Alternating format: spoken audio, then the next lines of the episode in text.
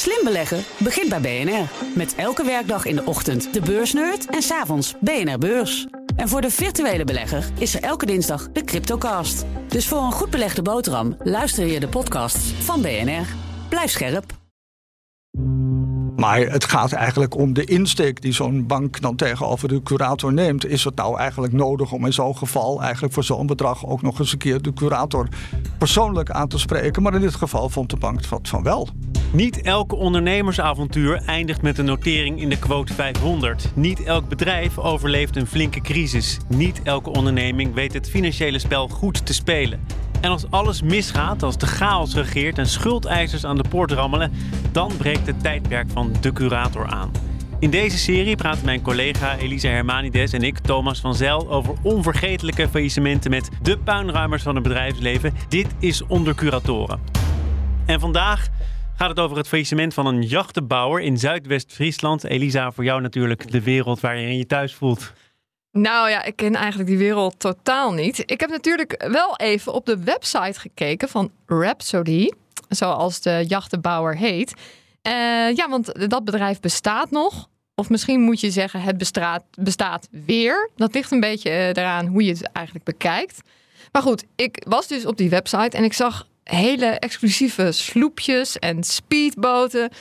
Uh, echt van die boten die horen bij de jetset. Uh, ja, en ik stel me zo voor dat je daar dan dat er dan zo'n Mr. Marvis man uh, achter het roer staat en dat er vrouwen in witte bikinis op het dek liggen. Um, en daar mag je natuurlijk wel eerst een paar ton voor neertellen, stel ja. ik me zo voor. Ja, maar goed, jij bent gevierd podcast-host, eindredacteur bij BNR. Kwestie van tijd. Misschien heb je het al. Uh, nee, dat geld heb ik natuurlijk uh, niet. Uh, maar dat komt eigenlijk ook wel goed uit. Want het lijkt me ook bijzonder vermoeiend om een boot te bezitten. Dat is toch weer onderhoud, gedoe. daar moet je toch echt voor zorgen. En ja, ik heb altijd gedacht, het is eigenlijk veel handiger om een vriend te hebben met een boot. Ah. Dus Thomas, ik hoop eigenlijk vooral dat jij met dit mooie weer er eentje aanschaft. En dat ik dan een keertje mag meevaren. Nou, ik zal je bekennen, ik woon in een huis met een vlondertje, een steiger. Ja, morgen. Geen boot. Nog niet. Nog niet. Nou ja, maar we gaan het uh, vandaag dus over die failliete jachtenbouwer hebben. Maar eigenlijk vooral over het conflict dat vervolgens ontstond tussen de curator en de huisbankier van die jachtenbouwer.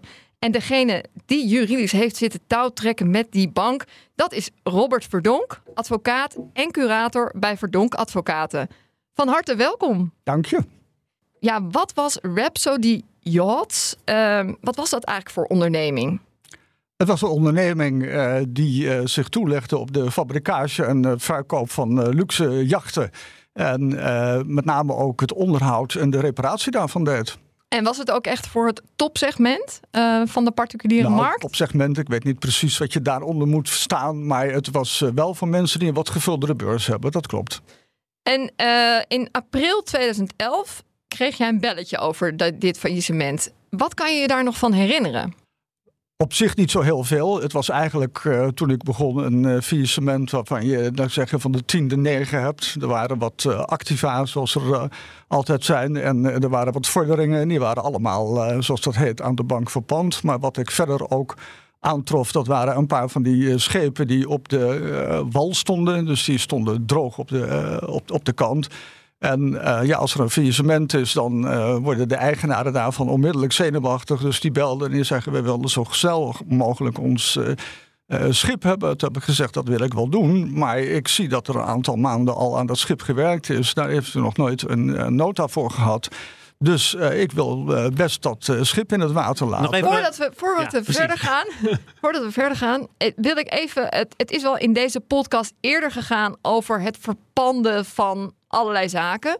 Misschien is het goed om een keertje uit te leggen wat betekent dat eigenlijk? Wanneer er een pandrecht op iets rust? Hoe gaat dat?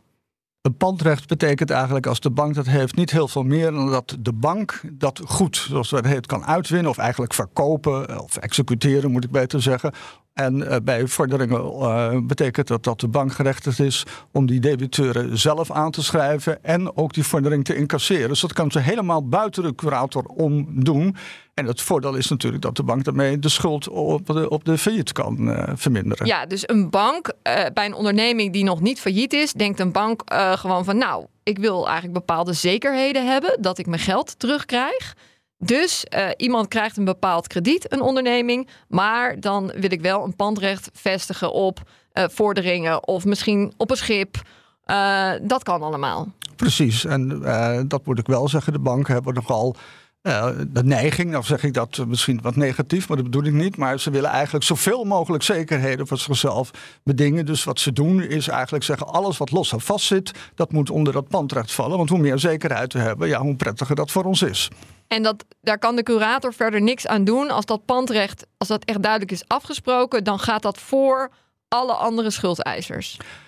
Als je een pandrecht hebt, dan heb je een zogenaamde preferente vordering. En dat betekent dat je eigenlijk voor alle andere crediteuren gaat. Ja. Um, nog even, dit uh, bedrijf was in handen van een, uh, een Turkse ondernemer. Die het weer had overgenomen, of eigenlijk die een doorstart uh, had gefaciliteerd van Rhapsody. En die Turkse ondernemer die heeft ook wat meer gedaan in die jachtenbouw. En jij hebt volgens mij ook in een ander faillissement nog met hem te maken gehad. Hij heette Davarci, als ik het zo goed uitspreek. Wat wilde hij met uh, al die ondernemingen in de jachtenbouw? Davarci had in Nederland, uh, was hij oorspronkelijk, had hij een discotheek en die had hij heel goed weten te verkopen. Toen heeft hij daar geld uit uh, gegenereerd en hij had veel contacten in Turkije. En in Turkije werden die Rhapsody-boten van een heel groot deel gemaakt. En hij was dus, laat ik zeggen, de Trendunion, de verbindingsman eigenlijk tussen de, de de fabrikant, om het maar zo te zeggen, van die schepen in Turkije en eigenlijk de verkoop uh, van die schepen hier in Nederland. Oké, en hij uh, nam het dus over toen het eerder failliet ging onder een vorige eigenaar. Maar daarna is er van alles dus misgegaan. Uh, het was natuurlijk ook de financiële crisis, hè, 2011. Dat was natuurlijk niet lang na 2008. Het was misschien ook lastig om dit soort boten te verkopen in die tijd.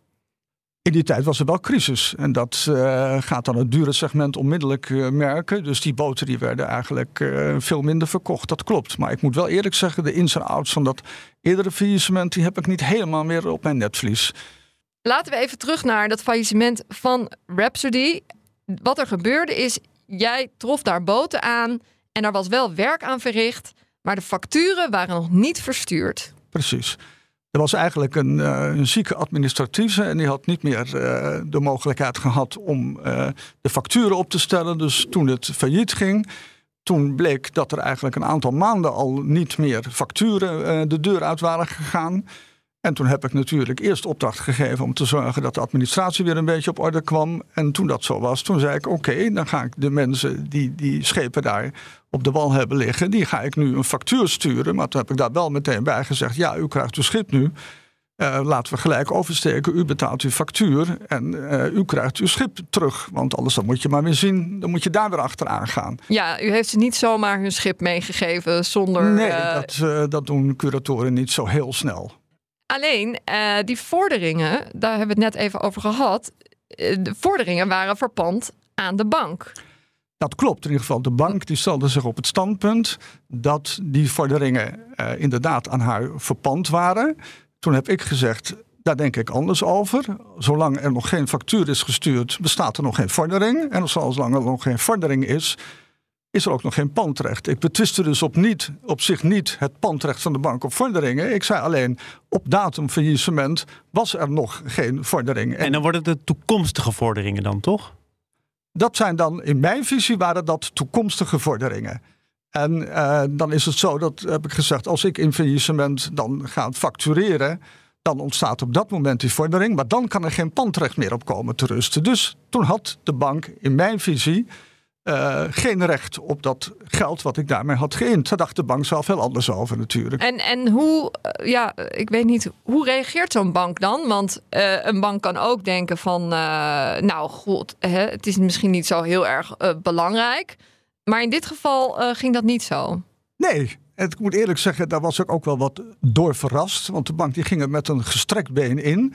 Eh, de vordering van de bank was, ik geloof, nou ruim veel miljoen, of zelfs 4,5 miljoen. En dat ging uiteindelijk om een bedrag wat ik heb geïnd van 45.000 euro. Dus dat is Mag ik 1 maar even om het, om het helder te hebben. Dus de totale vordering was 4 miljoen op Ja. de hele, eh, op, op, op zeg maar de hele boedel. Ja. Eh, maar alleen die, die, dat onderhanden werk, wat eigenlijk nog pas later na faillissementsdatum was gefactureerd, dat ging om 40.000 Ja, euro 40, ongeveer. 45.000 euro. Dus dat is gezegd. ten opzichte van die 4 miljoen is Ja. dat natuurlijk vrij Ja. klein. Ja, dat zou je wel kunnen zeggen. Maar goed, de bank die nam dat principieel op. Dat is op zich ook wel te begrijpen. En die zei: nee, eh, daar gaan wij toch werk van maken. Maar die ging er inderdaad met een, eh, vind ik, tamelijk gestrekt been in. Want die zei: we willen niet alleen, meneer de curator, dat het geld wat u hebt geïnd, dat u dat aan ons afstort. Maar eh, wij vinden dat allemaal zo on- onbehoorlijk dat u dat heeft geïnd buiten ons om. Dat we u daarvoor ook in persoon Maar er aansprakelijk kon dus misschien ook een principieel punt gemaakt worden, omdat het niet duidelijk was. Jij zegt heel duidelijk, mijn standpunt is, het komt mij toe. De bank zegt heel duidelijk, het komt ons toe. Dan vecht je dat toch ook aan, misschien wel beide kanten met gestrekt been. Nou ja, het bijzondere was dat eh, eigenlijk tot op dat moment nog nooit in de rechtspraak aan de orde was gekomen of onderhanden werk nu onder het pandrecht van de bank valt of niet. Dus ik vind als curator dat ik de taak heb om eh, mij zo op te stellen dat ik een standpunt inneem die het meest eh, in het voordeel van de bank is. Of eh, sorry, vergis mij in het voordeel, in het voordeel van, de, van de boedel is uiteraard. En dat betekent dus dat ik zei van nee, dat geld dat hoort gewoon in de boedel. Dat komt niet aan de bank toe. Maar het merkwaardige is inderdaad dat daar tot op dat moment eigenlijk nooit een uitspraak was geweest. Maar heeft u er echt over nagedacht van tevoren van ik vind dat dit, dat dit eh, bij de boedel hoort? Of dacht u gewoon, heeft u zoiets gedacht, ja natuurlijk hoort dat bij de boedel? Heeft u er geen seconde over nagedacht dat het überhaupt onder het pandrecht van de bank zou kunnen vallen? Nee, daar heb ik, eh, heb ik goed over nagedacht. Ik had het ook goed uitgezocht voor mezelf. En ik had ook in de literatuur gezien dat daar heel verschillend over werd gedacht. En toen dacht ik, nou, dan ga ik me op een standpunt stellen dat nu natuurlijk in het voordeel van de boedel is. En niet in van de, van de bank. Nee, het is niet zo dat ik per definitie dacht, nou, lekker kind is winter. Ik eh, zorg maar dat ik het binnenkrijg. En vervolgens moet de bank maar zien dat ze het weer van mij krijgt. Nee, u werd als curator aansprakelijk gesteld, maar dus ook eh, persoonlijk. Ja. Wat deed dat met u? Nou, laat ik het zo zeggen. Als je persoonlijk aansprakelijk wordt gesteld, is dat eh, natuurlijk op zich nooit prettig om te vernemen. Aan de andere kant is het eerlijk gezegd ook vaak wel een verzekeringskwestie. Maar ik vind zelf curatoren die stellen regelmatig, eh, laat ik zeggen, bestuurders aansprakelijk. Dus ik vind wel dat je als curator een vrij brede rug moet hebben en niet meteen eh, daarvan, eh, eh, laat ik zeggen, erg onder de indruk moet zijn. Wat bedoel je Zo met verzekeringskwestie overigens? Want wat bedoel je met verzekeringskwestie? Laten we er niet al te zwaar aan tillen, want vaak is het een verzekeringskwestie. Nou, als je, als je persoonlijk aansprakelijk wordt gesteld, is het eerste wat je doet je eigen verzekeraar bellen en zeggen: luister eens, ik ben nu persoonlijk aansprakelijk gesteld. Eh, dat moet je dan doen. Je moet dat aanmelden, want daar ben je voor verzekerd. Ook als curator ben je daarvoor verzekerd. Dus je loopt niet zo'n groot risico als je tenminste goed verzekerd bent.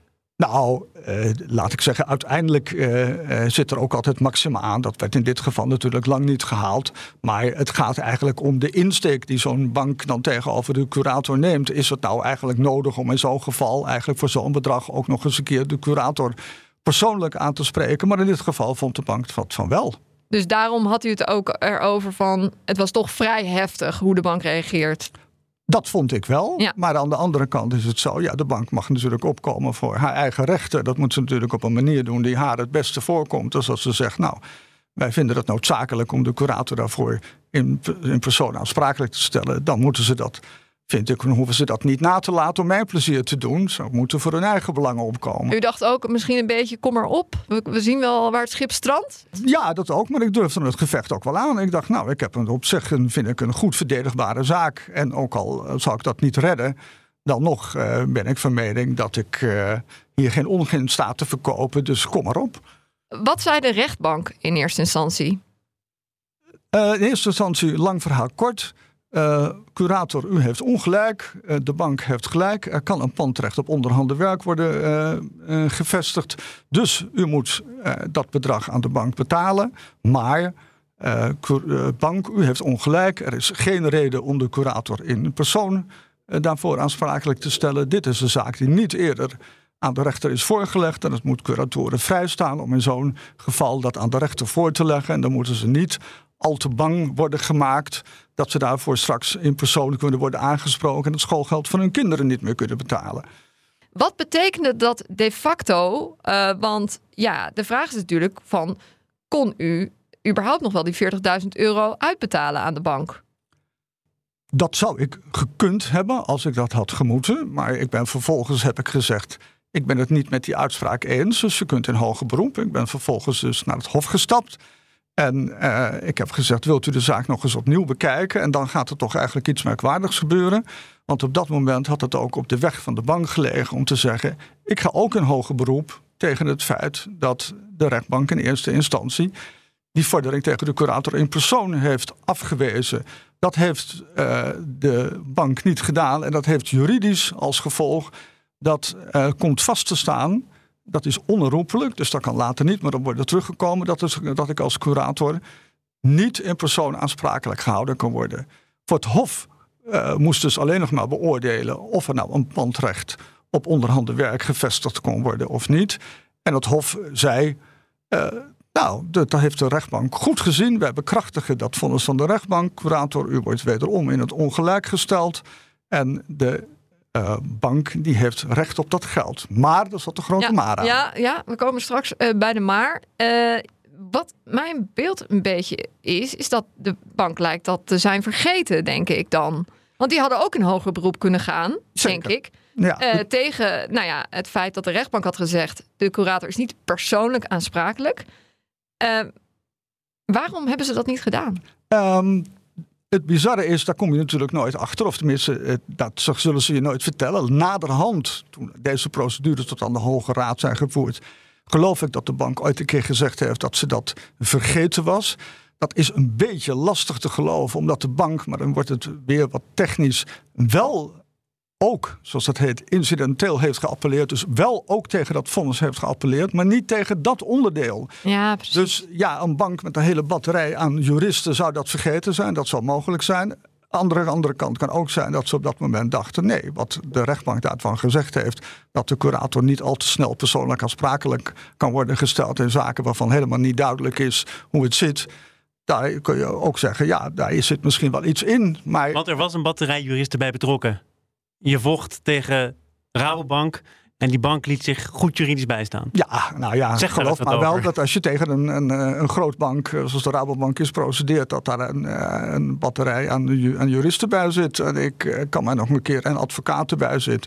Die zat ook bij en ik kan me nog een keer herinneren om trouwens te vertellen hoe dat gaat. Dat ik op een gegeven moment gebeld werd. Toen zegt, bent u de volgende dag dan en dan beschikbaar. Want dan belt professor die en die uit New York om u even over deze zaak uh, te informeren dat ik het toch allemaal verkeerd zag. Dus dat is dan wel een beetje, ja, laat ik nou zeggen, dat is nou wat zwaar aangezet, maar wel een beetje dat imponeergedrag wat je dan als regionaal curator over je heen krijgt. Maar daar zijn we tegen bestand. Uh, het Hof uh, bekrachtigde eigenlijk het vonnis van de rechtbank. En wat betekende dat dan voor wat de bank nog zou krijgen. Want die wilde die 40.000 euro hebben. Ja, uh, maar het Hof had er een belangrijke maar bij gezet. Want het Hof heeft toen gezegd: luister eens, dat klopt. U heeft in beginsel recht op dat geld. Maar, ja, dan moet ik weer even toch gaan doseren, ben ik bang. Uh, dit is een zogenaamde negatieve boedel. Dat wil zeggen, er zitten meer schulden van de curator in de boedel dan er geld in de boedel zit. En in Nederland is het zo dat in 9 van de 10 faillissementen de failliet nog een keer failliet gaat, om het maar zo te zeggen. Want er is te weinig geld in de boedel om zelfs de verplichtingen die er in faillissement gaan ontstaan, om die nog te betalen. En als dat zo is, heeft de Hoge Raad eerder gezegd, dan moet er volgens een bepaalde rangorde worden verdeeld. Dat wil zeggen, eerst de preferente crediteuren en dan pas de concurrente crediteuren. Uh, een preferente crediteur betekent, eh, betekent ja, domweg gewoon dat jij voorrang hebt boven andere crediteuren. En als je concurrente crediteur bent, betekent eigenlijk domweg dat je aan achter in de rij staat. En uh, nu is het zo dat het salaris van de curator is een zogenaamde preferente vordering. En het salaris, of niet het salaris, ik moet zeggen het verkeerd. uh, het, de, de schadevordering die de bank heeft op de curator, of, want het was een onrechtmatige daad dat ik het geïnd had, dus een schadevordering, dat is een zogenaamde concurrentenvordering. En toen zei het Hof, en die heeft daar zelfs uitdrukkelijk bij overwogen, die heeft gezegd, ja, u heeft dan misschien wel recht op het geld, maar betekent niet dat de curator gehouden is om dat geld ook aan u uit te betalen, want u staat achteraan in de rij. De curator komt eerst. Nou, dus Rabobank het gelijk, jij het geld.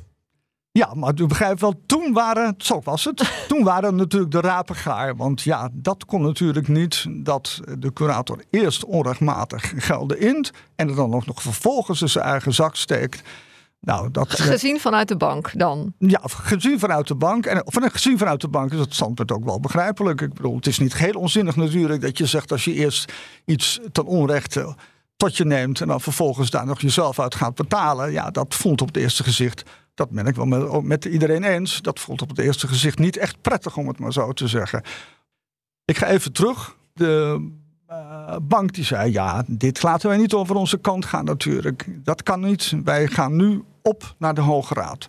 En, uh, in cassatie is dat. Dus- in cassatie is dat. In cassatie. Ja. In cassatie. En in cassatie kwam aan de orde eigenlijk de vraag of je, als je zo'n wettelijk systeem hebt, of je in het geval dat een curator, laat ik zeggen, onrechtmatige daad pleegt, of je dan toch niet zou moeten zeggen, ja, dat is zo.